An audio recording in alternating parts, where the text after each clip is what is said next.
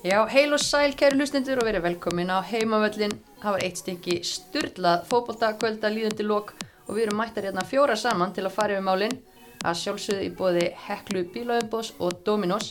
Ég heiti Mist Rúnasdóttir og er með luxusgesti en það er þær Alexandra Bíja Sumarleðadóttir, Sigriður Dröfnu Auðursdóttir og Helga Katrín Jónsdóttir en þær er að það allar sammeilegt að hafa fjallað um leiki á fókbólta.net í sumar og fylgjastu vel með öllum vikstöðum. Velkomnar. Takk fyrir það. Spennufall. Svolítið. Mjög mikið spennufall eiginlega. Þetta var svakalegur dagur, bara svakalegt kvöld. Rosalegt kvöld og Helga Katrín, þú ert að mæti í fyrsta sinna á heimavöllin. Hvað er að frella? Já, bara takk fyrir bóðið. Búin að býja eftir þessu lengi. Nei, það er svona. um, ég, ég er bara eins og ég segja, en að ná mig niður eftir, eftir kvöldið, sko. Þetta er svona á boltin að vera, sko. Svona á hann að vera, haldið að við séum komnar niður í nógu hægan púls til þess að vera viðröða hævar, samræða hævar. Mónandi. Reyna, reyna eitthvað besta. Þetta er alltaf að koma. Pítsan hjálpaði eins til. Já, Dominos bjargaði þessu. Hún gerir það. Dóminus bjargar, bjargar ég alltaf þegar mann líður illa. Að það ekki? Já. Komum æstarinn inn, setnust niður, eina vegendary, eina basar og það er ekki mikið eftir. Það var svona sultuslakar. Já, púlsinn var svolítið hár þegar við komum inn og, og maður var svona, já, hálf eftir sig bara en, en nú var hann slagur og rólegur og, og til í þetta. Já, við höldum það allavega. En hérna, 5. dagur 9. september, maður er búin að vera að horfa á, á þessa dagsendingu á dagatalinu bara ansi lengi. Það er svolítið langt síðan að maður sá í hvað stemdi, bara bæði blikarnir að fara í svakalega nústættileik og, og lengjudildin, það var líka ljóst þar að þar myndi ekki draðast fyrir bara á síðasta flöyti og það varð sannarlega raunin. Uh, Tárbrós og takaskóður í tíunda veldi en það er spurning hvort við byrjum bara í Kópavóinum, Helga, þar varst þú Já, ég var þar, ég stóð vaktin í Kópavóinum og þetta var náttúrulega ótrúlegt kvöld. Það verður bara að segjast. Ég, sko, því líkir yfir burðir hjá bleikum í þessum leik. Ég eiginlega svona finnst ótrúlega bara eftir þannig leik hvernig fyrirleikurinn gatt fara 1-1 vegna þess að við erum með miklu betra lið í breyðarbleik og, og hérna þá voru bara yfirburðir á öllum sviðum allanins í dag.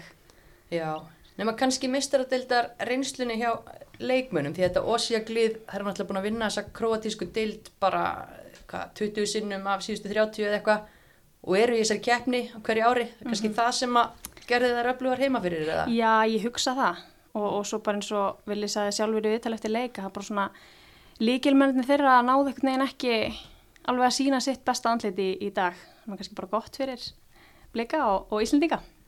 Það, já, algjörlega, það er voru þarna þrjár, 10, 11 og, og 8 sem að voru svona, já, maður sá það allan í fyrirleiknum að það er gæði þarna og, og það eru klókar og teknískar og, og náðu svona stundum að, já, skjóta okkur Íslandingum skelk í bringu. En það var greinlega búið undirbúa hann að setnileik mjög vel. Já, hann er hérna að tala um það, er búin að fylgjast svolítið með svona síðustu leikum hjá þeim og, og svona greina svolítið þeirra veikleika og það virkaði klálega í dag. Mm -hmm. Ríkulega stert hjá blikum að byrja, það eru komin að tvön og lifir eftir tíu mínútur og þá snýst þetta reyni bara um að halda fókus og, og klára leikin. Já, nákvæmlega, náttúrulega, þú veist, það munar svo miklu að komast bara í tvön og eftir tíu mínútur, það breytir öllu leikskipulagi leiksins og, og þetta var örgulega ekki eitthvað sem gestirnir ætluði sér að, ætlaði að leggja upp með, sko. Líka bara ná þessum tvö mörgum á hvað einni mínútu? Eða Já. þú veist með mínútu við millibilið að bara einhvern veginn svona nánast drap leikin að ná öðru markinu strax? Já, sérstaklega það, ná þessu öðru marki strax af því að annars hefði eitthvað geta gest og ég menna þær fá alveg þær fá eitthvað færi í, í þessum leik og, og mér fannst Helma mjög góð í dag Hún bjargaði um alveg hann að var ekki 2-0 þegar hún sleppur einu gegn? Jú, akkurat. Kemur alveg vel út á móti og það hefði alveg getað breytt kannski leiknum ef það hefði komist eða svona mingamörinn í Líflína alltaf bara. Mm -hmm. Já, og blíkar hafa svona fengið kannski gaggrinni í sömar fyrir það að, að maður veit ekki alveg hvað maður hefur þær. Þær hafa hérna, skora mörg og, og hérna, látið svo svara sér strax í næstu sókn og annað en bara góður fókus þarna. Mínúta millimarka rúm Já, algjörlega og mér erst svona kannski telma stundum hafa verið óörug í sumar en hún var frábær í, í kvöld og náttúrulega hósinu fyrir það mm -hmm. og blíkar fara náttúrulega frábær í stöðu inn í setnaháleikin en maður sá það samt að það var eitthvað búið að færa til hjá gestunum í Osijek og, og svona en uh, martruð fyrir þær en að samanskapi bara stórkostlegt fyrir blika að Aglamari Albersdóttir kemur um í 3-0 bara strax þegar síðari hálfleikurinn var alla byrjaður. Mhm. Ég held að þessi hálfleikur hefði komið á góðum tíma. Að mér fann svona þess að síðustu mínútur í fyrir hálfleik svona var aðeins farið að leggja á blikum. Svona aðeins meira en, en byrjunin og ég held að það hefði verið fínt fyrir að koma inn í klefa og ná að hans að stilla samanstrengi og, og þegar þetta þriðja mark kemur, þú veist, þá var aldrei spurning. Nei, það slökti sko. allar vonir og manni fannst líka bara svona skrítið að sjá sko krótísku leikmennina út á velli. Það voru þær sem voru að taka sér tíma í að þú veist, ég ætla ekki að segja að það hef ekki meitt sig eða annað, en ef þú ert að tapa í leik sem þú þart að vinna, þá ert ekki að liggja í fjóra mínútur, þú ferð út af að lætu sinna þér, þannig að leikurinn geti, þú veist, haldið áfram eða byrju skiptingu strax. Já, þetta, þetta komur óvast, mér finnst þetta, þetta svolítið svona skrítin hegðun, mér finnst það að áttuði sér ekki alveg á neina. Já, eða bara svona heldur vonlega stæmi að vera þarna þrjún og lundir en þú veist, ég veit ekki, mér finnst það bara svona svolítið gefast upp. Já, það var bara svolítið einhvern veginn í þessu. Mm. En blíkar, e, þær fengur nú alveg þrjú fjögur ansi góð færi til þess að finna þetta fjórðamark, það leta á sér standa. Já, bæði, sko, Agla og, og Tiffany fengi alveg nokkur góð færi, það fóru svona svolítið illa með þau, sko.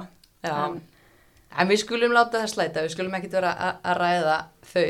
Staðrindin er svo að blíkar eru áfram fyrst íslenskra liðar til þess að komast áfram í riðlakefni meistardildar Evrópu. Og það er risastórt. Það er stórt. Kekja Þetta er bara frábært. Og 75 kúlur í kassan. Eistir Pétur Lárusson og félag að vera ána með það Já, ég get ekki trúið öðru Býðið þú ekki um launahækkun Helga, ert ekki að þjálfa yngri flokka hjá Breðablík? Jú, ég hérna ætla að senda á, á yfirmann minna eftir og fá hressilega launahækkun Þú hlýtur að eiga, eiga hérna, það skilið, en hérna, hvernig var stemningin á vellinum? Mér var stemningin góð, mér varst hérna á velmætt, 871 á vellinum. Alveg einn? Já, þessi eini, það er mjög mikilvægt að taka það með í töluna. Og hérna stuðnismann sem er búin að semja lög um alla leikmenn og, og það var stemming, ég var, var ána með þetta. Erstu með einhver textabrót eða? Ég er ekki með með mér sko, en ég, hérna, ég get kannski sendið ykkur mynda þessu, ég geti sett inn á á grammið. Það var í gaman sko, ég, það er gaman þegar að hérna, stuðnismannasveitin er að gera þetta svolítið persónulegt sko. Já, kekkja að sjá þessu ástriðu. Nákvæmlega, ég, ég var mjög hrifun að þessu sko, ég var mjög ána með það þegar það var staðið sem mjög vel í sumar stiðja bæðið við kalla kannar leiði sko. Mm -hmm. En þú veist, eh, hversu stórt er þetta fyrir íslenskan fókbalta? Hvað þýðir þetta fyrir okkur? Þetta er bara, þetta er ógeðslega stórt, þetta bara sýnir að, að hérna, þetta sýnir bara að við Íslandingar eigum við hefum fullt inni og við, veist, við erum eitt af 16 bestu liðum í, í Európu og, og hérna við hefum bara haldið áfram með þetta bara hvetja önnu lið þú veist, ef breyðabli getur gert það, getur valur gert það líka mm -hmm. það er jafnvel önnu lið já, og nákvæmlega þetta er það sem að stökkvæðin fyrir deildina bara, veist, þetta er alveg deild, skilur algjörlega það sýnir að við erum komin lánt Já, og það er þessi riðlakefni í fyrsta skipti, þannig að það eru með 16 bestu liðið Evrópu sem að munu þar leika og það er verið dreyja á mánudaginn, yes. 13. Og það er svolítið áhugavert að við sjáum að blíkar eru settir í annan styrkleikaflokk sem er alveg geggjað. Þannig að...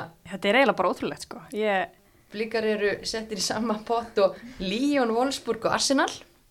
Ekki slæmt. Ekki slæmi félagskapur það. Nei það verður að segjast. En þau mæta þá, mæta þá ekki þessu liði, eða þessum liðum, en geta þá mætt, sko, í fyrsta styrkleikaflokki Barcelona, PSG, Bayern og Chelsea. Það er allt mjög góð lið, einhvern svona draumamótur í þar. Ég held að það veri gaman að fá Karolínu Leo og Glóti segja á Kapuðarsvæl, sko. Já, Já. Ég, ég er svo búin að því. Ég held að það væri skemmtilegast fyrir alla ísildinga bara. Já, Kapuðarsbúar, Glótis úr Háka og, og Karolína bliki eh, Karolín aftur á Kópásöld Það væri stert, en svo er hérna í þriðja e, styrkleika flokki, þar er Íslandingu líka Dilja og Ír Somers sem er búin að vera í miklu stuði hún kemst ánga með liðinu sinni Hekken og það er líka Hoffenheim e, Juventus og Real Madrid Það er yngir aukvís, það verður ekki bara gaman að fá og líka Jú, klárlega Það verður gaman sko. Svo finnst mér líka eitthvað eitthva skemmtilegt við að fá Júve eða Real eða eitthvað svona bara upp á, mm. upp á nöfnin sko. Já, þetta er svona sko. Þetta er bara svona hálfa órunverulegt. nákvæmlega. Það er þau ekki erfitt að fylla kópa og svöld, sko? Nei, maður koma og það er bara að vera skildumæting, sko. Ef að er fá spil og kópa og sellis, nú er það Já. eitthvað, það þyrfti eitthvað undan, þá er ekki eitthvað tengt flóðljósunum eða... Jú, það er eitthvað svo leiðis. Ég, hérna, ég rætti þetta með þegar alltaf sækjum um undan þá og hérna vonandi fer það í gegn. Ég, Já, þetta er nú ekki það stórt, sko, issue afsakið að ég sletti að það þurfa að færa þetta yfir á löðarsvöld, að manni finnst það eiginlega ekki. Nei, mér finnst það ekki. Ég líka svona velti fyrir mér, sko, við búum náttúrulega á, þannig landi að veðrið getur verið ansið leðilegt hérna og, og veist, leikur í desember, snjór, frost, vesen, ég, vei, ég veit ekki hvernig lögatarsvöldur ræði við það á, á, á grasinu. Nei, þurfa þá ekki að koma aftur með þess að hita hann drauga sem að lágu yfir þessu. Einmitt. Við erum með ágæta reynslu í þessu. Já, en þá svona veltum maður fyrir sér hvort að, hvort að Júfa og jafnvel móterinn sko get ekki bara sé hagið því að vera kópavásöldu frekara sem er uppbyttað og veist, bara svona upp á meðslætt og annað sko. Algjörlega. Við veldur að skapa stemmingu. Já, ég vil líka hugsa bara að þú veist, það er hægt að fylla kópavásöld öðvöldlega myndi ég segja en, en maður veit ekki hvort að, hvort þið náum að fylla lögatarsöld sko, miklu skemmtilega að hafa fullanvöld. Já, aðeins stærra verkefni að fylla löðarsvöld. En hérna, í þessum fjórða styrkleikaflokki, þar er sko, þar er Karkiv, Servett, Köge og Benfica og það er líka þá fulltrúi Íslands, Chloe Lacasse. Hún skoraði þrennu í kvöld þegar að Benfica skaut sér áfram. Viljum við þá ekki fá bara íslenskan riðil?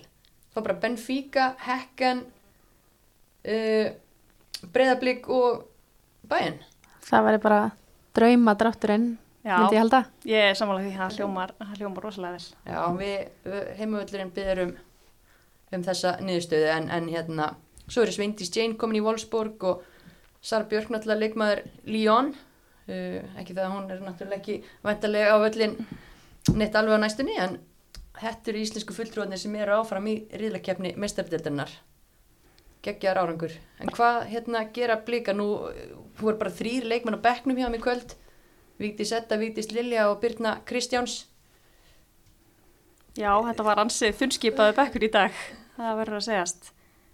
og náttúrulega búin að missa líkilmenn út í Áslöfu Mundu, Hildi Þóru um, Klói Vandi Veldi er farin aftur Og Margrét má náttúrulega ekki spila í mestarlildinni, að, hún er ung, já, hún er ung, Margrét Brynja. Að þess vegna fær hún ekki að vera á bekknum, en þetta er voðalega þunnskipa og ég vona að, hérna, að blikar fái undan þá og ná að sækja ykkur að leikmenn, sko. Bara því það má svo lítið út að fara ef ykkur meiðist eða eitthvað, sko. þú ferð ekki í reyla keppni sko, þú ert að skila þér einhverjum 20 manna hópi og það væri, það væri bara ekki smart ef það eru 14 en Nei. maður veit svo ekki alveg með þessar félagaskipta reglur, nú er náttúrulega íslensku deildinnar að klárast fullt að stelpum í augnablík þú veist sem að mættu þær fara upp eða þetta kannski eftir bara að koma aðeins betur í ljós. Ég hugsa það, ég, ég þekki það sjálf ekki alveg nógu vel, sko. en það talað um að, að með þetta til þess að geta fengið leikmennin það þurfa að vera samningslausir já, þannig að hvað, hvernig nákvæmlega þeir samningar Einmitt, hvernig er sá rammi? akkurat. oft svona frjálslega samið því miður í, í knaspinu heimi hvenna en þá það er hérna það er svona annað vinkil sem þarf að taka fastari tökum samlega því hvernig íþróttin er að vaksa Já, þetta er eitthvað sem blikar þurfa bara að leggjast yfir og á næstu dögum og hérna reyna að finna lausn á þessu. Það er bara spennandi að sjá hvað er ná að gera. mm -hmm. Mér finnst líka áhugavert, þú veist, það er búið að vera umræðinni að þessi bestu menn, þú veist, hjá blikum séu að fara út, hætta við það, eða þær eru komin að reyna að kenna eða, Mhm. en með nú ekki við því að missa kannski öglumari og Allavega. Já, einmitt. En svo veltum maður fyrir sér, veist, vill hún, vill hún fara þegar þetta er framöndan? Einmitt, svo er það það, sko.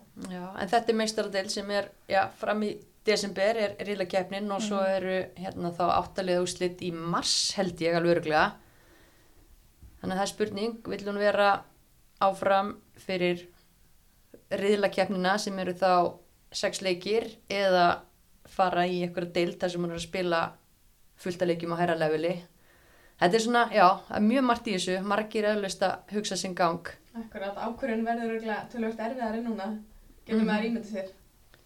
já, en við þurfum sem betur verið ekki að taka hana Nei, það er gott. En eigum við ekki að hafa að meistara til þetta þema í dómin og spurningu þáttarins? Jú, okkur ekki. Af hverju ekki? Ok. Líón er vissulega það lið sem hefur unni kefninu oftast. Sjö sinnum.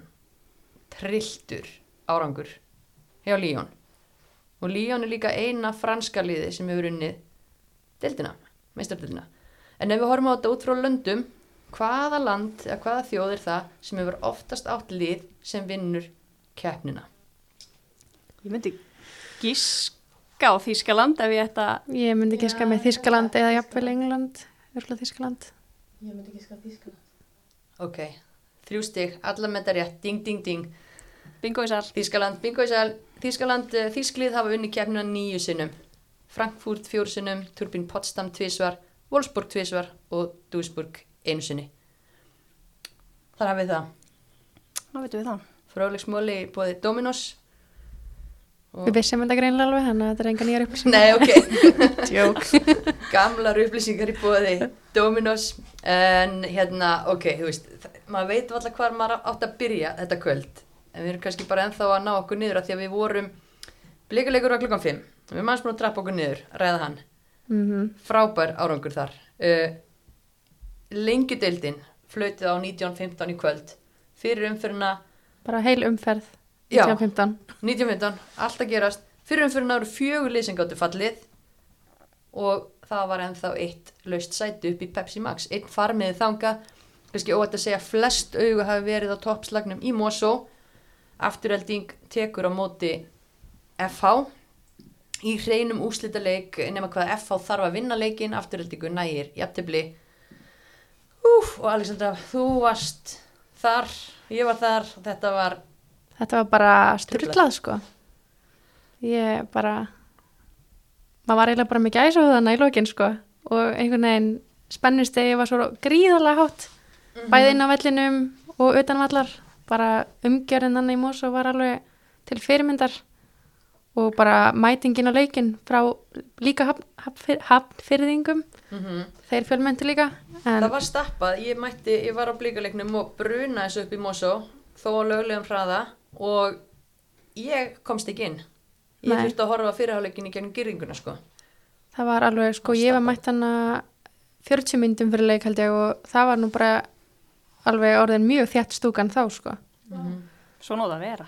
Þannig að þeir opnuðu annað sótvarnarhólfana bak við markið og fylgdu það líka og svo var mitt fólk standandi hana út fyrir gyrðingarna, gyrðingarnar og ég bara hætti að geta að tala.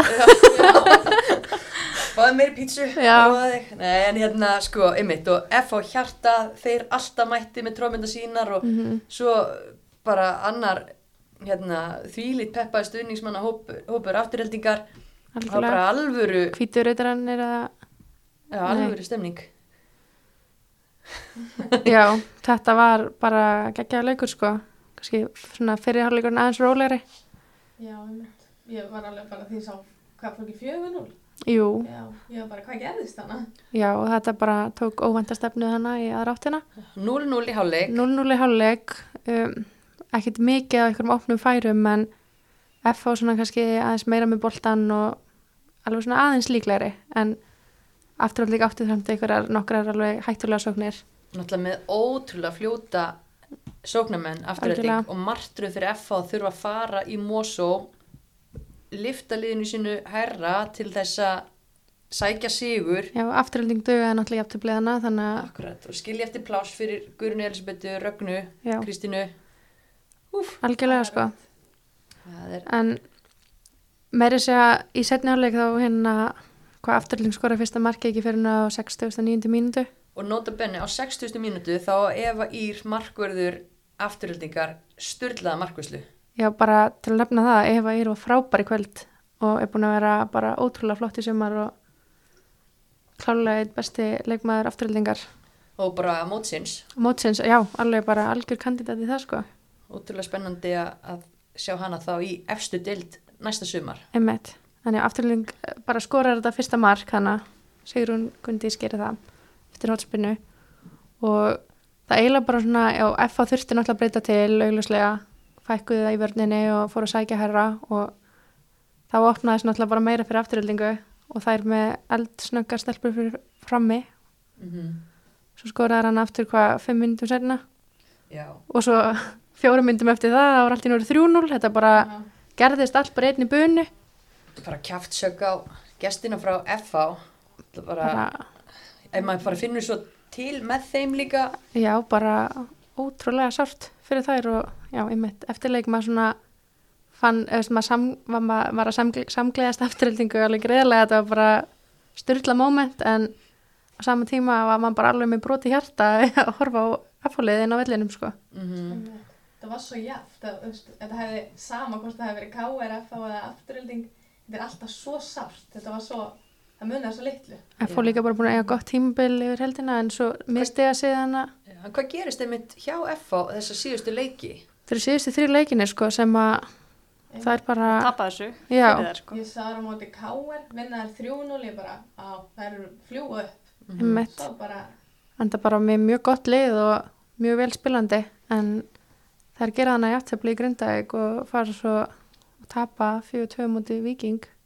En ég meina, höndlaði bara ekki pressuna, um hvað snýst þetta? Ég, ég man eftir þessu líka hérna, hvað er ekki 2019, Jú, þeirra bara þegar fóru voru, fóru upp. já, Þú veist, ég veit ekki hvað er þurftu marg, fengu mörg, marga leiki til að reyna að tryggja þessu upp, sko. Mhm. Þú veist, það var orðið brandari bara. Já, þetta er fárvægt, maður held einhvern veginn að þær hefur kannski bara lært af því og, og hérna, en já, Þú veist, það er svo vond að fara í svona úrslita leikum að komast upp í Pepsi Max-deildina og tapa 4-0.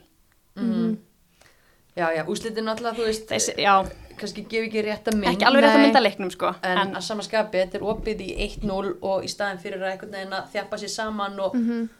og hérna, núlstilla sig og, og keira á þetta, þá láta þær Ragnargurinu dansa fram hjá sér og, og klára leikin, og þetta gerist á svo stuttum tíma. Algjörlega, Ragnargurinn var alveg frábær í kvöld. Já. Bara, hún er með eitthvað svo rosalega gott vald á boltanum. Bara ótrúlega heillandi leikmaður. hún er bara búin að vera geggjuð í sumar, allt Mm sumar. mm, Ragnar Guðrún Rónaldó, er það ekki það sem hún er kölluð Jú, sé bara viðandi. Dansa með boltan og, og svo náttúrulega, veist, er ekki þetta að tala um hérna þennan leik og þetta lið á hans að tala um Guðrunu Elisabetu lítið sumar, sko. drauma sumar hjá henni, sko. algjörlega. Öll þessi mörk. Og þetta eru svona stelpur, svona íslenska stelpur sem að við erum svo tilbúnar að sjá í Pepsi Max. Já, það verður mjög spennandi mjög að sjá, sjá þær spila þar, sko. taka næsta skref, sjá Líka hvernig það standa á móti hérna, já, móti bestu liði landsins mm hún fyrsti svona, fyrsta tímabili sem að Guðrun Elisabeth er að spila svona fullt sumar í mesturaflokki. skora 23 mörg. Já, bara, Bara smá árangur, sko. Pælið í því. 23 mörg í átján leikjum Það er rosalegt. Ég er, ég er mjög spennt að sjá hana hérna spreita sig í efstu deild. mm Já, Ég er hérna bara svolítið spennt fyrir þessu projekti hjá afturheldingu, sko. já, mm. Ég, hérna, mér finnst þetta, mér finnst þetta spennandi, mér finnst skemmtilegt. Það er líka bara eitthvað svo heillandi í kringum liðið. Það verðist vera ótrúlega sterk liðseldana og allt í kringum Mhm. liðið og bara mjög mikil stemmingan í Mosó. En Já, mér þetta er bara svona allt, ekki, bara liðið, bara félagið. mm er bara bæjafélagið, einhvern veginn, maður sá það svona í kvöld, hvað bara var allir með í þessu. Það búið að vera að stefna að þessu ekki það að ef einhverja káringar hafa ekki beinustu einmitt. leið upp aftur en, en hérna ég meina aftur held ég virkilega vel að þessu komnar og er enda þá móti fjórun stíðum fyrir ofan FH og í öðru seti 40 stíg tapa tveimur leikjum 31 marki pluss bestu markatölun í dildinni og bara til hamingju afturhelding til hamingju Mosó Já, It's been a while, hvernig voru það síðast í það er voru síðast, hérna, ég var að fletti þessu upp að þann fyrir skýsluna. 2000 og, hvað er þetta? Dandarandan Það er nú búin að fara í rússibanna síðan, verið í annari dild með fram og Já, Alveg saman 2015, sýnist mér, Já, voru það senast í, passa það ekki, sumar 2015. getur passað og við meitt rússibann eins og segir Sýriður ímislegt búið að gerast og breytast síðan, síðan þá. Akkurat mikil uppbygging síðan það voru með hérna, fram í annari dild, fram afturhilding saman. mm Mikið var frundi sjá síðan. Ég var líka hrifin af hérna erlendu leikmönnum hjá afturhaldingu. Taylor í verðninni, Já, mjög já. Mm Meittist, veist, eitthvað eftir hvað, bara tvo leikið eða eitthvað, Já, svo komið aftur. Og svo hana, hvað heitir hún, Jade, J. J. Mhm. Bara Jade Jensson. mikill hraði og hún var alveg með margar mjög góða fyrirgjafir hana. Já, Steinun, vinkun okkar kom hérna heima völlin í voru, hún lofaði okkur góðu sumri frá Jade, þannig að Mhm. Steinun að hafa góð í kvöld. séð þetta fyrir. algjörlega, en Góð. svo er spurning hvað gerist hjá FH í framhaldinu Já, Eða hvort það séu allar tilbúnar í annað tímabil í lengdeldinni eða hvort að einhverjar horfi upp í Pepsi það er mynd þegar Mitt. stórt er, er spurt, það er ætluð ekki að stoppa lengur inn í eitt sumar, Nei. það er alveg á hreinu. Nei, Leikmenn hann ungir sem að vilja vera að spila og, og hafa getunni að spila á stærsta sviðinu. FO er líka bara stórt félag. Þetta er bara einhvern félag sem mann finnst að vera í þessu deild. Mm -hmm. Þannig ég held að þetta sé skellur bara fyrir klúbbin að vera áfram í lengjunni sko. Hvað heldið þið með þjálfarteimi Guðni búin að vera með liði svolítið tíma, línu bróður hans með honum núna í sumar, mm -hmm. sjáum við fyrir ykkur að verði breytinga þar? það er spurning sko Já. Það- Mér finnst alveg möguleiki. já, ég einhvern veginn einmitt Svona fyrst þetta finnst það ekki ólíklegt sko en Nei. svo kannski komin tími á eitthvað Já, Fært. ekki, ég, þú veist, ef ég ætti bara að tala fyrir mig þá, þú veist, finnst mér það alveg hérna. Þú myndir skiptinu þjálfara. Já, ég myndi allavega að skoða það svona svolítið vel, sko. Þú veist, ef það er eitthvað spennandi, spennandi í bóði, sko. Mm Hvaða liði, eða hvaða leikmenn eru liðin í Pepsi Max að horfa á núna í FH? Mm, Þetta nú strax hjá Elisu Lönu, búin að vera svaklega góð sem er. hún mjög góð í kvöld. Sunni var hann. Hérna, með því líkan vinstri fót saman Mhm. í því. bakverðinum og mér finnst Selma Dögg búin að vera mjög góð á miðinni Já, og svo náttúrulega finnst mér Sísi Lára að vera Pepsi Max delda leikmaður en það var náttúrulega ástæðar fyrir að hún ákvaða að fara Mm eftir ég að fá Nú er þetta svo gaman hvernig við sjáum fótboltan ólíkt að því að ég var inn í stúkunni og talaði við, ég var FH með inn í sótarnarhólunu þegar ég náði að fara inn í, í hálfleik og spjallaði við fullt af góðu fólki og, og hérna, það er svona mjög ólík sín sem allir þessir FH-ingar sem ég talaði við höfðu á þetta, þú veist, einmitt einhverju voru að tala um það, bara af hverju er alltaf verið að taka eilisu lönu út til þess að setja söndur inn á bara alltaf á 60 myndu, þú veist, þetta er hérna látið Elisu spila lengur þú veist, hún er fersk og allt þetta. Svo er aðri sem komið, herðu það er bara ekki að koma neitt út úr hérna einmitt, fremstu þremur, bara breyta strax. Og hérna, mér finnst þetta bara ótrúlega fyndið að það var eins og maður var að tala um já, bara sikkurt liði sko, hvernig fólk sér þetta. Elisa Lena fer einmitt út af á 60. annari fyrir sundru já, einmitt, og þú veist, það var bara ekki það að ég er ekki búin að vera eitthvað klukkun í sumar en Nei. þetta er skipting sem ég var ekkert verið að gera í fyrsta skipti Svo svolítið klassíst. en það er bara svona, einmitt, sumir að bölva þessari skiptingun aðrir að býða eftir söndri til að koma og hressa upp á þetta, en það verður bara viðkjönast að hún hefur ekki hrest Hún gerði það ekki kvöld. upp á, upp á þetta F-fólið bara heilt yfir í sumar Nei, og hérna Brittany Lawrence reyndar á miðjunni hjá þeim erlenduleikmaður sem mér finnst að vaksið, hún er að klára þetta mót á fínu stað en heilt yfir eru erlenduleikmennir ekki að styrkja F-fólið eitt sérstaklega, Keilin Talbert náttúrulega skemmtileg í markinu. Já, En, mér fannst eitthvað svona smá óörygg yfir henni kvöld. Já, hún er svona, maður veit ekki alveg. Eins og markið sem að hérna Guðrun Elisabeth skorar svona fer, þetta er bara inn í mark sko tegnum hún einhvern veginn svona ætlar út í þetta hætti við. Já, já, svona og önnur atriði þar sem hún var svona eitthvað óviss hvort hún ætlaði út eða býða eða mm mislesi þetta, en við ætlum ekki að fara að nutta salt í sárun á F-fæðingum, við ætlum að gera þetta mót mikið setna, en hérna afturölding vann og það er fókuspunkturinn afturölding og leðinni aftur upp í Pepsi Max en uh, það er K.R. sem að vinnur dildina Sigriður Dref, þú varst á nesinu því að K.R.ingar vinn ekki bara dildina heldur sendu þær nágranna sína niður já. gróttu konur bara átti engi móna þessu? Nei, og frekar svona, ég talaði við Magnús eftir leik og hann er bent á það að það voru 20 mínútur á sömrunu í fallstæti og það voru síðustu 20 mínútunar. það er rosalega svekkjandi. Og við komum kannski inn á það aðeins á eftir þegar við erum búin að ræða þennan leik og þessi lið. Af hverju það voru bara 20 mínútur og hvaða lið með endur komið sumasins í rauninni í þessari deild? En hérna, Já, hvernig var þessi leikur? Um, ég sko, hann byrja, gróta ætlaði að berjast fyrir þessu, maður sá það alveg og þær byrjuðu betur. Ég hugsaði svona, já, einhver þýka í káver búin að tryggja sér upp, svona ætla að missa fyrsta seti frá sér og gróta var bara hættulegri framan af. Svo kemur þetta marki á káver og þá svona, þá er þetta aldrei hættu á káver. En staðan voru 3-0 og augnablik komið 2-0 yfir í hérna Kópói en gróttu heldur áfram sko. Það er karakter í þessu líði, ég ætla að veita dag, en það var kannski óseint. Já, þetta er mitt, en, en sko, já, en bara svona eftirleik, eða flautað af, hvernig, þú veist, annar liði náttúrulega vinna dildina, hitt liði bara mjög óvænt þannig lagað að fara niður, hvernig, hvernig var að vera þarna? Já, þetta var svona svolítið tilfinninga fyrir umgir hérna andrúsloftana. Man alltaf var í fréttamannastokinu í kringum gróttumenn og þetta var svona, maður skinnja, þetta var sjokk. Því það eru náttúrulega, þú veist, voru framanna bara miðja deild og maður hugsaði einhvern veginn, var aldrei að pæli þeim í fallbaróttu, sko. Nei, Svo bara, þetta var svona bara allt í einu bara sitt við um fallnar. Mér fannst það svolítið stemmingin, sko. mm Falla líka bara á hvaða tvei mörgum. já, Já. falla á markatölu í rauninni. rosalega súrt. Þessi bótt bara, þetta var náttúrulega bara fáraleg, sko.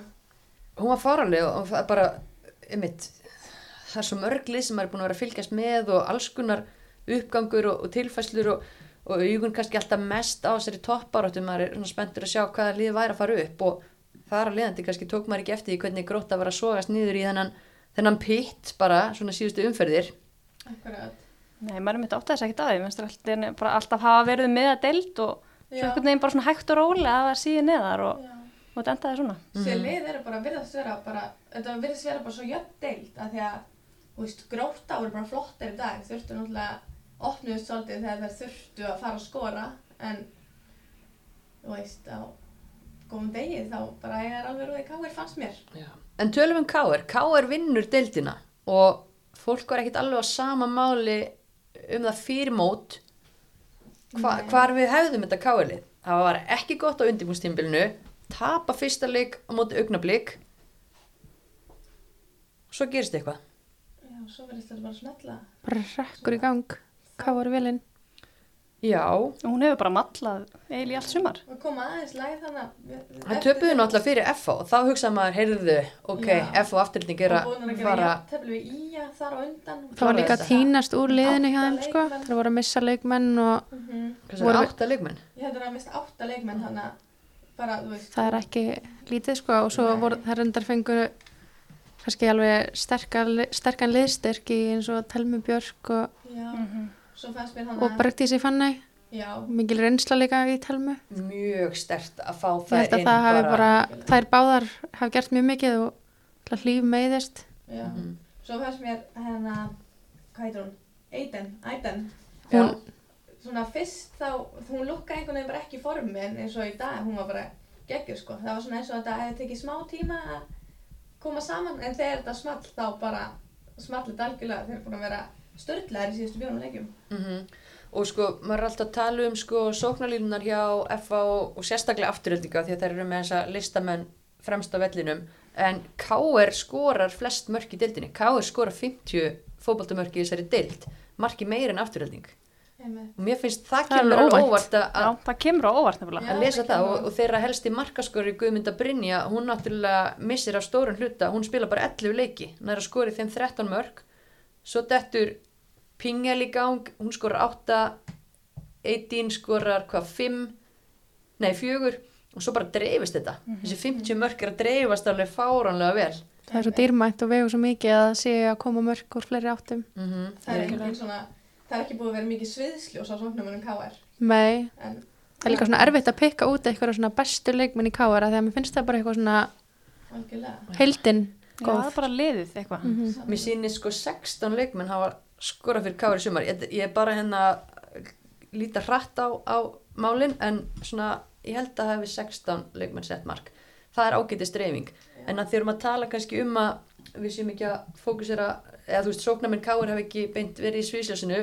Gumma var það vissulega þegar hún var að spila en svo er alveg góð punktu sko að Laufi Björns byrja tímabili á miðunni uh, undir lokin þá ferist hún nýr í Hafsend þar sem hann vil Rebekku Sverrisdóttur. Rebekka Sverris tekur við bandinu þegar Ingun Haralds fetti Gríklands og þær eru bara búin að setja allt í lás, halda hreinu síðustu fjóra leikina eftir að þær fara að spila saman og bara mjög mikið hrós, Rebekka Sverris uh, búin að vaksa þvílít mikið, það er bara hann algjör Algjörlega. leikit alltaf og ég held að það hafi líka vegið ansið þungt að Kalli og Kó hafi einhvern veginn bara, þú veist Þetta Fundið þessa línu. fundið þessa línu og tekist að láta þetta smetla fá reynsluna hann í telmu með, með og Ég er svo sammálaðið með hennar Rebekku, hún er búin að vera svo geggu, ég er bara, mér er svona alveg bara kontentar í leikmaða mótsinn, sko. já, Já, akkurat. Það er svona, ég einhvern veginn, þegar yngun fór, þá einhvern veginn svona hafði ég ekkert, ekkert bilað að trúa á að þetta myndi ganga hjá gáðuringum, en Mhm.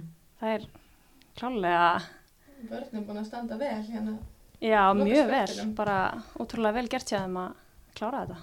Já, og eins og sé, það gera það bara samfærandi, það er vinnadildina með 42 stig, tapa bara tveimur leikjum, annar þeirra komið fyrstu umfyrir á móti augnablík og þá hugsaði maður, já, einmitt hvað er að fara að gerast, hinn þeirra kemur á móti FH á þeim tímapunkti þar sem að var að kvarnast rosalega úr hópnum og þá held maður, ah, ok, þetta er að fjara út hjá þeim, en alltaf koma það tilbaka og svara og bara frábært fyrir Vesturbæinga að komast aftur upp í Pepsi Max, þar vill þetta lið vera og þar á þetta lið að vera. Stórveldið. Hmm. þannig að bara já, til hamingju KR Til hamingju káar. lengju dildar meistarar KR En þetta var bara rosalega skemmtileg deild í sumar, fannst mér. Ég, ég elska að hafa spennu fram á síðustu umferð. mm og ymmit, hverjar eru það sem að í rauninni senda gróttu niður aðrar heldur en káringar talandu um spennu hvað er liðið búið í kjallarunum í allt sumar? Augnablík getur við hengt í reysa frósa á þær eða? Bara þetta sko. korn, korn, korn unga lið, við vorum að skoða leikskíslaðan, þær eru búin að fá ástuvíktísi í markið frá eh, e, breyðablík og það er náttúrulega hríkalega stert svo er eitt leikmaðanfættur 2001 heitt að mér minnir Brynja Sæfastóttir uh, svo skulum við bara skoða aðeins hvað leikmenn sem fara út í völl í loka umferð og vinna lið Háká sem er með hundruði meistaraflokksleikja á bakinu vinna þær 2-0 á útífelli 2003, 2004, 2004 2006 hérna líka 2005 hvað, 1 já, ein, tvær fætta 2006 ein, tvær 2005, þú veist, þetta er þetta er ótrúlegur árangur. Bara magnaðar. Frábært, sko. og þú veist, búið að kvarnast úr hópnum frekar heldur en hitt, ég meina Margrét Brynja sem þú varst að tala um áðan sem mátti ekki vera á bekknum í meistaradildinni hún byrjar mótið með augnablík alveg svo Vigdís, Lilja Kristjánsdóttir sem var á bekknum í meistaradildinni þetta eru líki leikmenn sem eru teknir úr augnablíksliðinu upp í blíkaliðið og þær skilja við lið, í rauninni þú veist, liðið er í kjallarinu þegar að þessi leikmenn er að fara Já, Já, akkurat. Sá, eh, ég allavega sá þetta ekki gerast sko bara fyrir nokkrum umförðum. Nei. Maður var alveg bara frekar vissum að það var að falla þó eins leiðilegt að það var. Við bara um daginn. Já, Já, sendu það niður um daginn og ég meni ég, ég átti ekki vona á þessu fyrir leikin í dag, en segi, þú veist, háká líka í já. og við erum með því líka reynslu þar, við erum kannski ekki með háaldraða leikmenn, en veist, við erum með Björk Björstóttur, Markmann með bara fullt að leikjum, Gíu Valgerði, Láru Einars, veist, þetta er algjör reynslu boltar og fyrirliðin, þó hún sé unga árum Ísabella Eva Aradóttir búin að spila hellinga leikjum, þannig að það er ekkit grín að fara í kórin og, og mæta háká, en Líka undir þessari pressu. já, Þetta er líka mjög gott fyrir breyðablík. Finnst mér að augnablík haldi sér í þessari deild, sko. Það sem er mikilvægt fyrir allar þessu ungu stelpur að fá tækifæri þarna. Já, Að hérna, þú veist, fyrir breyðablík er þetta, var þetta mjög góðu dagur. Það er reyðlega keppni í mestaradeildinni og, og svo þetta, sko. það er kallt í kofbói. Já, bara og Kópavógin, HK er uppi náttúrulega líka, það má Já. ekki gleyma Já. því Nei. og það hefur líka ýmislegt gengið og þar þjálfara skiptingar og svona vombrið í stigum talið og annað en, en hérna það er, ja, er tóll uppi Já. á markatölu með mínus 16 og 16 stig, gróta mínus 18 og 16 stig, það er bara getur ekki verið en nýliðar HK það er halda sér í dildinni Það gera skagakonur hins vegar ekki og maður var að fylgjast með leik þeirra gegn haugum í kvöld og maður sá haugar konar 3-0 ok, í að konur tilbúin að kveðja svo í öllum þessum hasar þá heldur maður áfram að fylgjast með og þær eru allt í nú búin að jafna uppbóta tíma Bara Ótrúlegt. mjög stert sko. Hrós fyrir það en bara því miður ekki nóg. Nei, það var barist fyrir lífi sinu þó þar hafi kannski ekki verið tilbúinar inn að leik þá klára þær allavega mótið á alvöru hugafari og, og hérna Nákvæmlega. á já, endur komu jafntibli ótrúlega sorglegt að sjá á eftir ía en það bara bara spennandi uppbygging vonandi framöndan Já. Unga leikmenn, góða. Bara. Það geta tekið þennan karakter sem sýndi þessum leik bara með sér í jæradeildina og komist bara strax upp aftur. mm Það er bara sem það er að gera. og þú veist, þetta er náttúrulega um þetta stærstu leiti ungar heimastelpur þær eru með náttúrulega, voru með Dönu Sheriff og sóttu sér svo McKenna Akimi Davidson líka tveir öndi leikmenn kannski ekki nægilega sterkir leikmenn til þess að svona hjálpa heimakonunum að stíga upp en e, stelpuna sem verða eftir þarna að því gefnu að þær já, haldi tríð og trausti við félagið þetta er lið sem bara fara upp úr annar deilt á næsta ári Algjörlega. Og mér finnst þetta svolítið búin að vera svona stöngin út hjá þeim. Þeir eru búin að eiga góða leiki og, og veist, ekki ná sigra og ekki ná jafntefli og svona. Mhm. Þú Veist, þetta er hörku leið, ég vil segja það. Já, gekk illa að skora mörg, þannig lag að skora bara 20, fá á sig flest mörg líka 42 og þá er það bara þannig að þá fellur bara. Já, hérna, og það gera það með 15 stig, vinna fjóra fótboltaleiki og gera þrjú jættibli þannig að þetta er ekkit Þetta er allt, vonlust. allt í skrúinni en, en það er bara, núna er boltinn bara upp á skaga og tækifæri til þess að bara svona, hvað maður að segja, byggja undir stóðirnar Algjörlega, bara, bara byggja upp lið úr sínum stelpum og, og hérna, komast aftur upp á næsta ári. mm -hmm. því ég var að spyrja ykkur um þjálfaramál hjá FH sem náði ekki sínu markmiði hvað haldið þið með þjálfarteimið á skaganum Unnar Þór, uh, Björn Solmar og Aron Ímir sjáu þið þá fyrir ykkur áfram með liðið í uppbyggingu eða þar ferska vinda þar alveg eins sko. Mér, mér líður einhvern veginn svona sé svona uppbygging á skanum, unga stelpur og svona. Og veist, kannski er þetta bara að halda áfram með þetta konsept, en mm. maður veit ekki, það er ekki hvað að segja. Já, ég er svo sem alveg sammála því, mér líst ekki illa á þetta sem er í gangi, sko. Þetta var einmitt eins og þú segir svolítið stingin út í sumar og, og kannski ef þeir ná að drilla liðið eins betur bara og, og, og svona verða reynslunni ríkar á næsta ári og Mm -hmm. geta það smallið. En það, þú veist, í rauninni margir sem spáðu þeim þessu gengi, þú veist, fyrir sumar og mm. bara vita að þetta er það erfitt og, og hérna hefði verið, náttúrulega þetta var aldrei stemt að því að fara niður en, en það er kannski eitthvað, engin sjokker. Líklega meiri sjokkir á seltjarnu sinu. Já, en hvað haldið þið þar? Magnús Örn Helgason, annar aðalþjálfara uh, grúttu, hann er að fara að taka við 17 landsliðinu. Pétur Röggvaldsson er með honum í þessu. Sjáu þið fyrir ykkur að Pétur tekki við þessu eða... Já, það er spurning sko hvort að hann gerir það og Magnús Örn fari bara einbyrðið sér eitthvað öðru.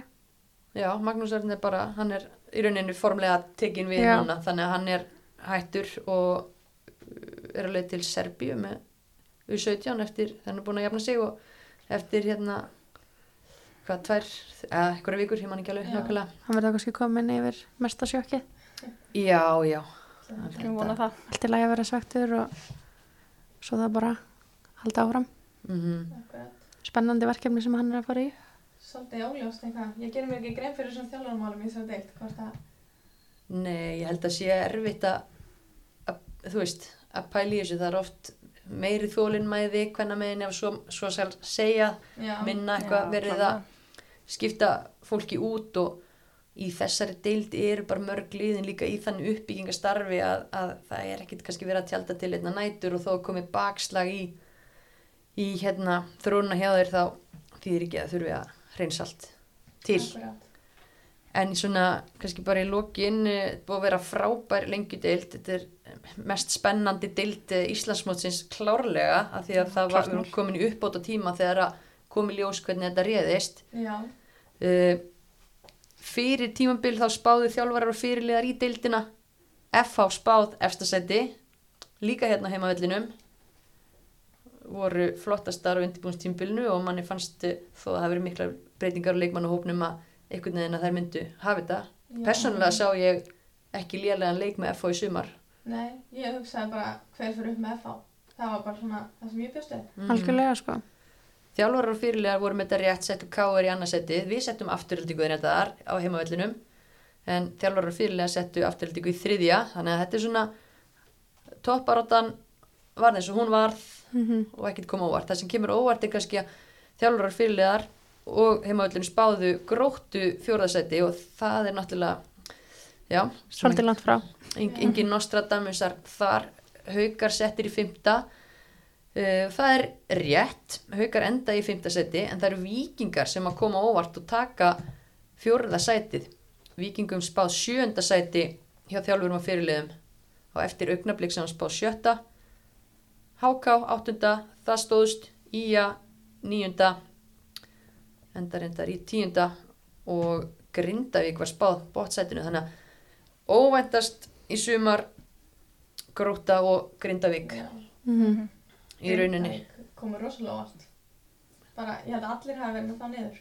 mm en maður vissi samt alltaf maður var svona Jón Óli Danielsson hann, Hann er ekki að fara að falla, sko. nei, hann er aldrei að fara að falla en hvernig allar hann að redda þessu jú, Rosalega vel gert. bara vel drillaðar spila ekkit flóknast eða fallegasta fótboltan bara hérna svona ár, árangusríkan eh, hvað stigasöfnin varðar og náttúrulega fengu frábæra leikmann í Kristobel uh, og Dúru sem að gerði heilmikið fyrir liðinu og, og hérna og hjálpaði heima stelpunum þetta er unglið Já, vel gert að fá, veist, já, einmitt bara svo vel gert hjá honum, Jónala, að fá akkurat rétta inn í þetta, sko. Veist, Mhm. Kristabel gerir þvílitt fyrir þetta, sko, helminginu mörkunum og, og kannski það sem þeim vantaði. já, markaskorar þær vaks ekki sko á hverju strái, það er alveg á tæru en uh, svona þetta var bara klárast en við erum búin að hafa allt mótið til að fylgjast með. Svona ef ég myndi spurja ykkur svona í fljótu bræði, hverjir eru kandidatar í að verða leikmenn mótsins? Fótbolti.net uh, fær alltaf hérna uh, tilnefningar í lið og leikmenn ásins frá þjálfurum og fyrirliðum eftir mót. Þannig að svona við hýtum aðeins upp fyrir það hvað hérna hvað þetta er ykkur í hug Guðrún, Guðrún. Já, það er eiginlega ekki hægt að líta það fram er átó og stating the obvious já, Já. Eva Ír markmaður afturöldingu ef við Mhm. tökum það lið og svo eru nokkrar í káleðinu kannski. Svo Já, Rebecca Sverris búin að vaksa og yngun áður nú fór út. Já, Ingi Björg líka góð í markinu. já, Ingi Björg Mm og eitin svona lúmsk fær kannski ekki alltaf umtal Nei. en við Já. svona vera undir að lókin alveg Já, Stendur fyrir sín alltaf. finnst líka að Laufi Björns bara búin að hún er- fær ofta ekki kannski mikið umtala en er mjög solid í þessu liði. Og við heldum sé alveg algjör leikil lekkar Erfitt að taka einhvern svona, þetta er svo mikið lið. mm -hmm. Mér finnst líka Inga Laufeng sem fór svo út, hún var góð framan á, Mhm, fór svo út í skóla. já. Líklegt að leikmenn mótsins komi úr Já. þessum liðum. F-fáingar er náttúrulega líka leikmenn Já, fyrir þennan hérna, fyrir leikin í kvöldi mitt þá var maður alveg að horfa á eins og Sunnivu og kannski Selmu Mm já. Sunneva komið því lítið ávart. Ég mætti nú í annar til í fyrra með, hömrunum. Hamar, já, Já. Já, var- ég hamar í fyrra. Ég held hún sé alveg Pepsi leikmaður. Já, fólk er að tala um það og hún allavega hana og FH bara þegar FH var að slá þessi Pepsi Max lið út úr byggakefninni sko, Einmitt. þá síndu þessar stelpur að, að þær er allir á, allir á pari við algjörlega. bara þessi lið í Pepsi Max þannig að þetta er bara, já. Við viljum ekki að nuta salt í sárinu til að stoppa þarna. Einhverjir leikmenn sem að voru framhanskarandi sem eru ekki úr þessum topp þrem liðum? Kristabell náttúrulega. Mjög mikilvæg í grindavíkuliðinu, já. Með að snatja í viking mm og Kristín Erna Já, náttúrulega þær tvær saman alveg eitraðar sko. Og nú er Kristín bara farin til Ítalíu? Já, það kom á óvart. Já, skemmtilegt samt. Já, það er gaman að fylgjast með henni þar en líka bara já, því líka yngum að þess að deilt bara fylgta Mhm. mörgum og, og vikingar Það hún er bara Mörguriti, Spútnik. liði vel í viking virtist vera. Já.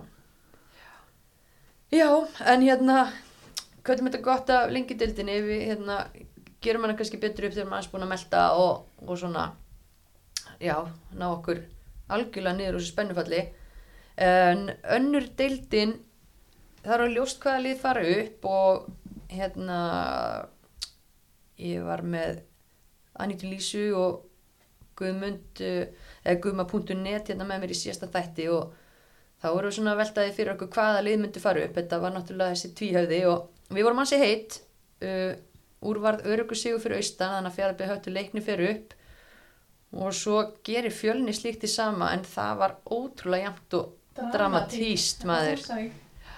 fjölnir áfram eftir fjögur þrjú sigur samanlagt og völsungur á leiðinu upp þá til 89. mínútu þegar Hrafnildur Árnadóttir skorar skrýmer Það er Hversu svekkjandi fyrir völsung? Já, en hversu góð tímasetning á þessu fyrsta meistaraflokksmarki sínu hjá Hrafnildi Árnadóttur Og ekkert smá Þetta bara- mark.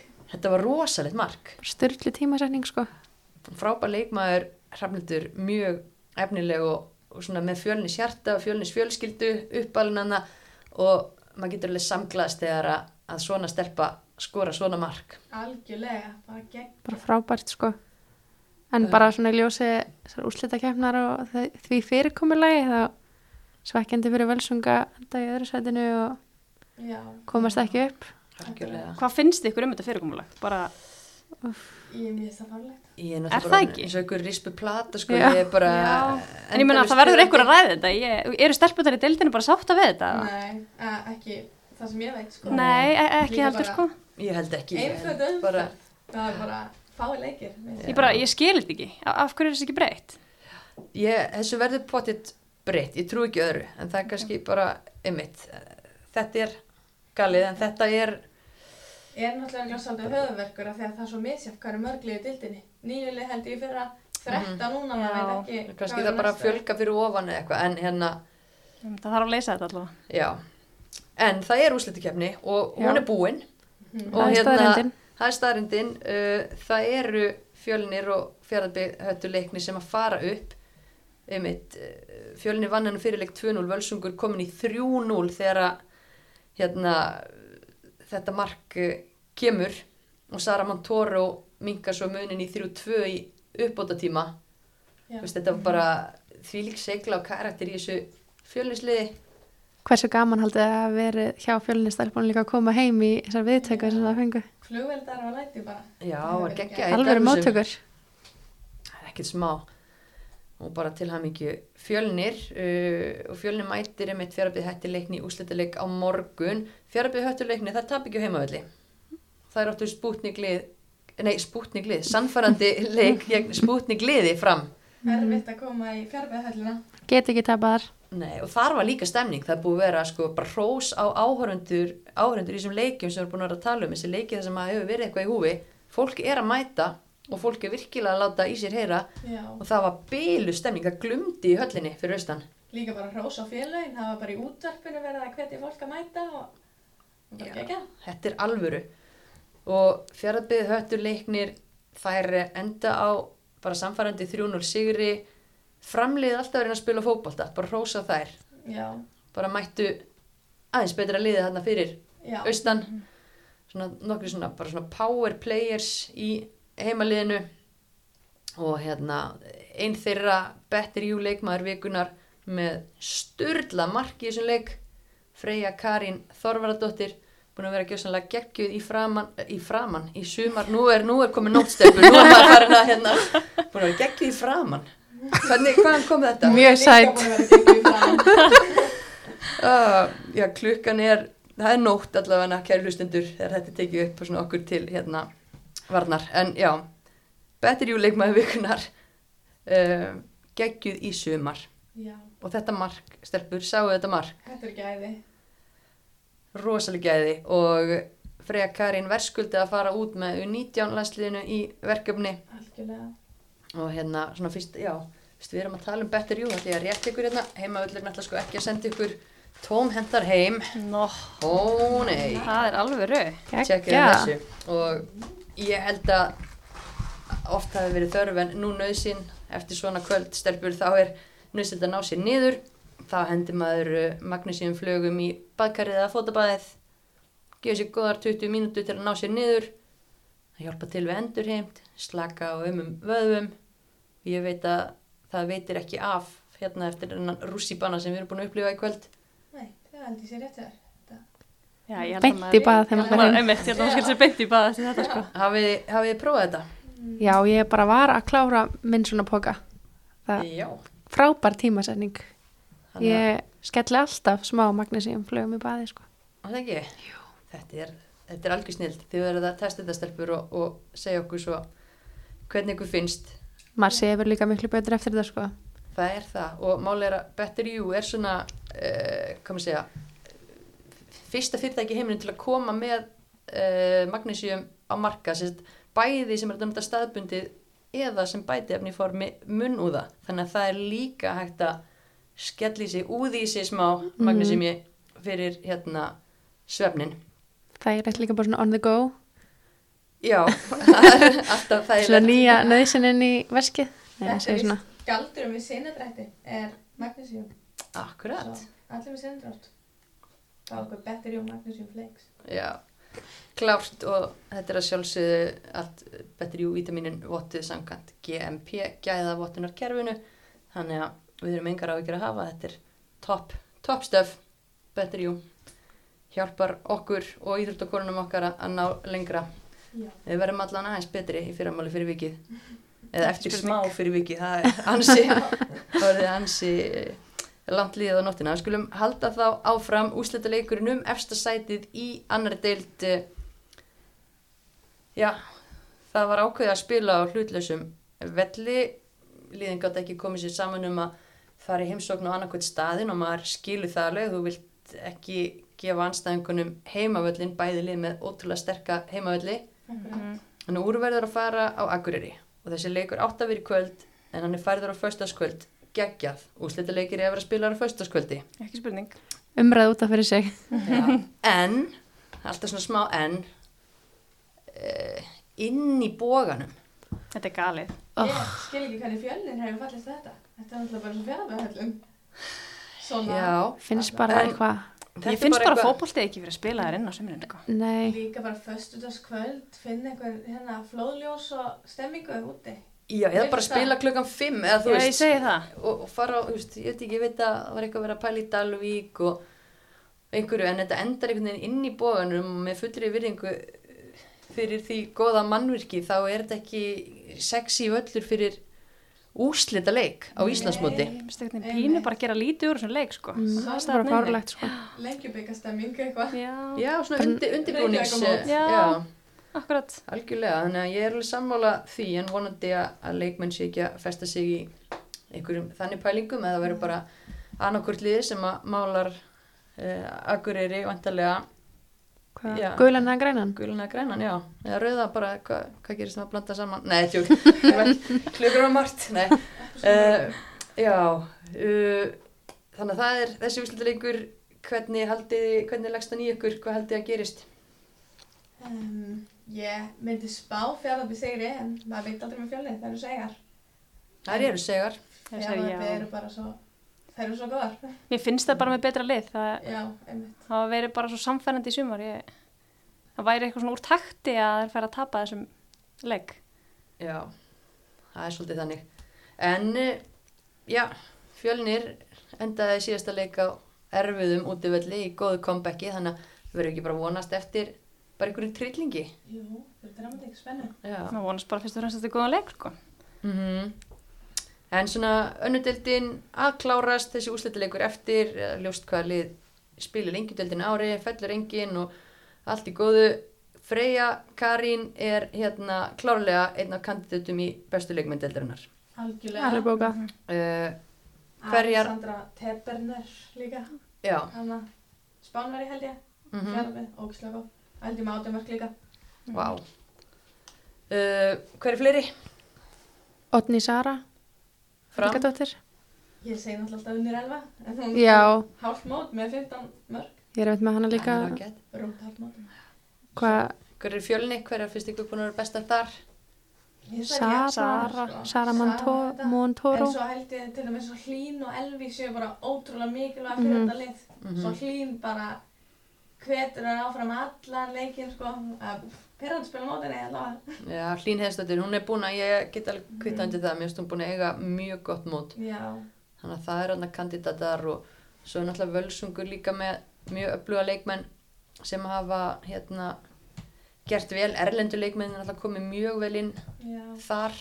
Svo Hanna og Gianna í fram, útlendingarnir fram miðjumennir mm bara, algjörlega en það er allan einhverju kandidatar og pottit fullt af stelpum sem við verum að gleyma líka eins og gerist um miðanætur en hérna sko talandum aðra deild. Var ekki gaman að fá eitthvað leikmur og annar deild í Nature's 8 hraðaspurningar á heimavöllin ég segi farið austur á borga fyrir austri og finnir sjáningu það er, þið viljið fá hana í hraðspurningar á Borgafjörð Eistri já, hún er búin að ráða sér vinnu á hóteli þar skildist mér Erum við talað um Sjanningu Gordon? Já. Ha? Ég, ég veit ekki alveg, jú, við getum gert okkur ferð þangað, það er vörðið, ég lofa því fara á Borgafjörð Eistri til að taka Sjanningu Gordon í Nature's 8 hraðaspurningar. þú sér ekki að því Þú ert að lofa okkur gulli, Sýrir, ok. Veislu. Já, Make it happen. Make it happen, alls þetta. Já, ok, sjáum til, það er allan komin góð tilnefning. Já, svona það sem er það fyrir hug sko Kannski bara byggðum hann um að heyri okkur þegar hún er í bænum, við erum svo heima kærar. Ah, en úf, já, setjum þetta bak veirað. En svona kannski rétt í lokinstelpur, Pepsi Max er náttúrulega klárast, toppbaráttan, ráðinn, botbaráttan, ennþá opinn, fókusinn á sunnudag verður á leik Þór Káa og Keflavíkur og svo Tindastóls og Stjörnunar. Það eru Keflavík og Tindastól sem er að slást um þetta áttunda sæti. Sjáu þið eitthvað fyrir ykkur þar? Ég held að tindastól með að við rönni sem að kepla ykkur á þá sé ég ekki neitt annað en tindastól fyrir niður Já, ég er eiginlega sammála því, mér finnst hérna keflaði alltaf ólsegar og ég held að það er haldið sér.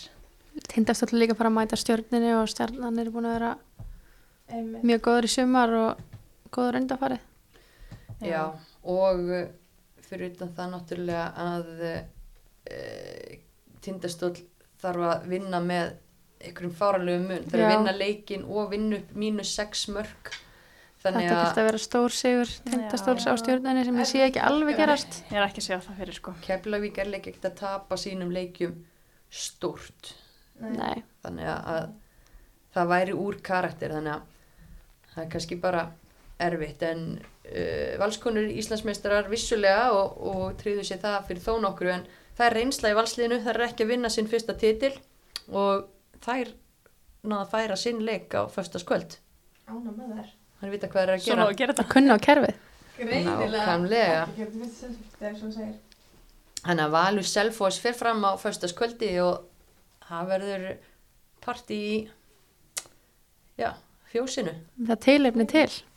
Já, það eru tilumni. Valsliði það búið að vera frábært sérstaklega setni luta móts og uh, er Selfoss að fara að skemma stemninguna þar. Ég sé það ekki gerast Það Held ekki. Nei, við ætlum að afskrifa það í, í byli allavega.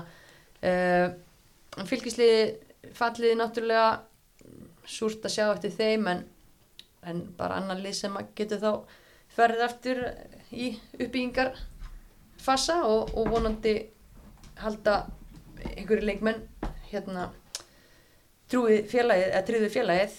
Já, vonandi. Svolítið súrt að því að það er fjallin alltaf hana hvað að koma upp fyrir tveim árum. Búin að vera alveg stígandi, stígandi. Mhm. En það síðast að mót hvað í Mhm. Kom svolítið á óvart sko, þetta, þetta sísón hjá þeim. Þetta er svolítið svona stöngin út síðan sko. Já, Líka þetta eru svo góði leikmenn ég er bara vonandi fyrir fylki fara í lengildildina en ég sé alveg margar annað sem að hef ekkert að spila já, og nú sem að til dæmis að leikmenn eins og Eva Rut og uh, já, hún er uppalinn í afturöldingu og hún var, Mhm. Var að vellinum. fylgjast með, já, Já, ásamt öðrum fylgis, fylgisliði að mætt þarna að fylgjast með þú veist, afturölding hlýtur að reyna að sækja Mhm. heimastelpuna sínar Sa, sýstir hennar Sara Dögg líka úr. Mosó þannig að það er kannski líka núna að margar af leikmennum fylgis eru aðkomu leikmenn Sýstirnar Mhm. á Keflavík, mm ef að Keflavík er að halda sér uppi. þannig að það getur verið svolítið púsl Mm en það er þá bara spurning hvort að hversu fljótt að vera líka tilkynnt hver, verð, hvernig verður með þjálfun og annað hjá fylgisliðinu, það þarf að hafa svolítið hraðar hendur held ég í árbænum og að svona já, Já, á, taka ákvarðanir. Mikið að fallið einhvern veginn. Já.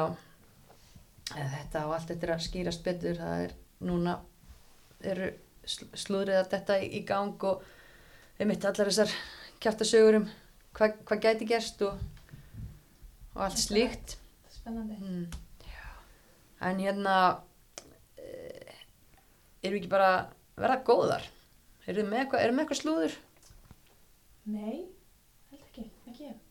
Nei. Nei, ekki bara ágætt hvað, það fyrir að detti í ganga eitthvað slúður núna næstu dögum. Já, nú fyrir allt að gerast. Já, nú fyrir maður bara að punta hjá sér sko Já, ég held það. Man verður með glósubókin alltaf með. Er það ekki, það er gaman að taka eitt svona slúður þátt Já, Já. í, í haust. duglega að glósa og komum með fullt af slúður. Alls konar kjartaði. Búið til alls konar vitlis. vera virkar í hlustun. Já, virkar í hlustun. Akkurat, en hérna, það er alltaf eitt sem við endum alla þætti á og eh, það er að velja heklu þáttarins. Við gerum það í samvinnu við bíla umbúið heklu. Bíla umbúið hekla leiðandi í sölu á vistvæni bílum, leiðandi í stuðningi við umfjöllunum knaspindu kvenna. Mm, mæli alltaf með því að fólk fari inn á hekla.is og skoði hver í bóði frábæra nótendavæn heimasíða þar og já, þar fann maður svör við öllum sínum helstu spurningum. En heklan er einhver sem er uh, góð fyrir mynd er að gefa af sér, gera góða hluti. Stundum innanvellar stundum utanvellar uh, og stundum bara ekkert endilega tengt vellinum, eða þú veist. En við ætlum að velja og kannski við hæfi að velja káering í þetta skipti, fyrst að þetta er nú svolítið káer kvöld, þær er að vinna lengjudildina er það ekki? jú, Vestu bara henni uppskera og, og uh, hekla þáttarins hún kemur úr Vesturbænum, hún heitir Margrét Hafsteinsdóttir og hvað er hún og hvað er hún ekki óhætt að segja hún sé kannski bara allt í öllu og drif krafturinn á bak við meistarflokk hvenna hjá KR Já.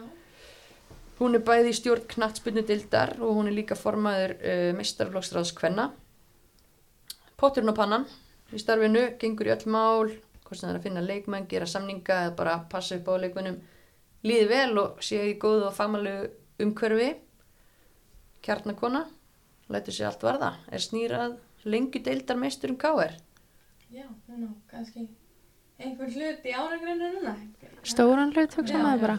Bara reysa stóran og, og, og fyrir utan það hvað hún er öflug hérna í kringum meistarflokkin þá segja þær að hún sé ansi hress og skemmtilega líka, það er nú aldrei verra. Nei, Það skemmir ekki fyrir. Það hafa svona karakter í sín lið. Maður hefur alveg heyrt á káarvellinum í sumar talað um hvað hún er bara mikilvæg og frábær og jafnvel kandidat bara í að vera formaður káar sko. Mm. En- Ég las um eitt viðtal við hana núna bara fyrir nokkrum dögum sem að hún er að tala um hvað er mikið líkil atrið að fá fleiri konur til starfa í knarpinurhefingunni mm -hmm. sem mikilvægt að konur þóra inn í stjórnir og láta til sín taka. Það er svolítið svona þekkt að karlar taki allt plásið mm. og vantar líka konur í þjálfun og konur í nefndir og þarf líka að fá sín kvenna aðeins meira kannski inn í reyfinguna. Já. Algjörlega.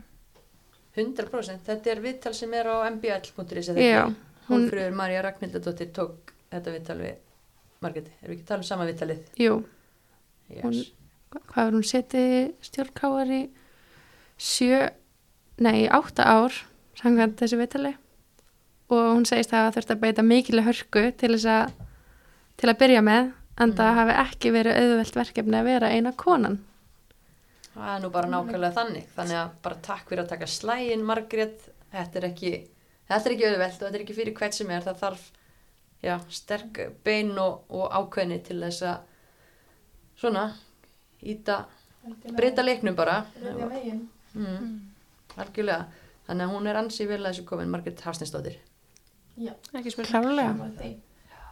En uh, stelpur, þið eftir að komast í bað og Rétt. þið líka eftir að ná einhverjum örlitlum hérna, blundi aður að þið mætið í vinnu eftir nokkra klukktíma.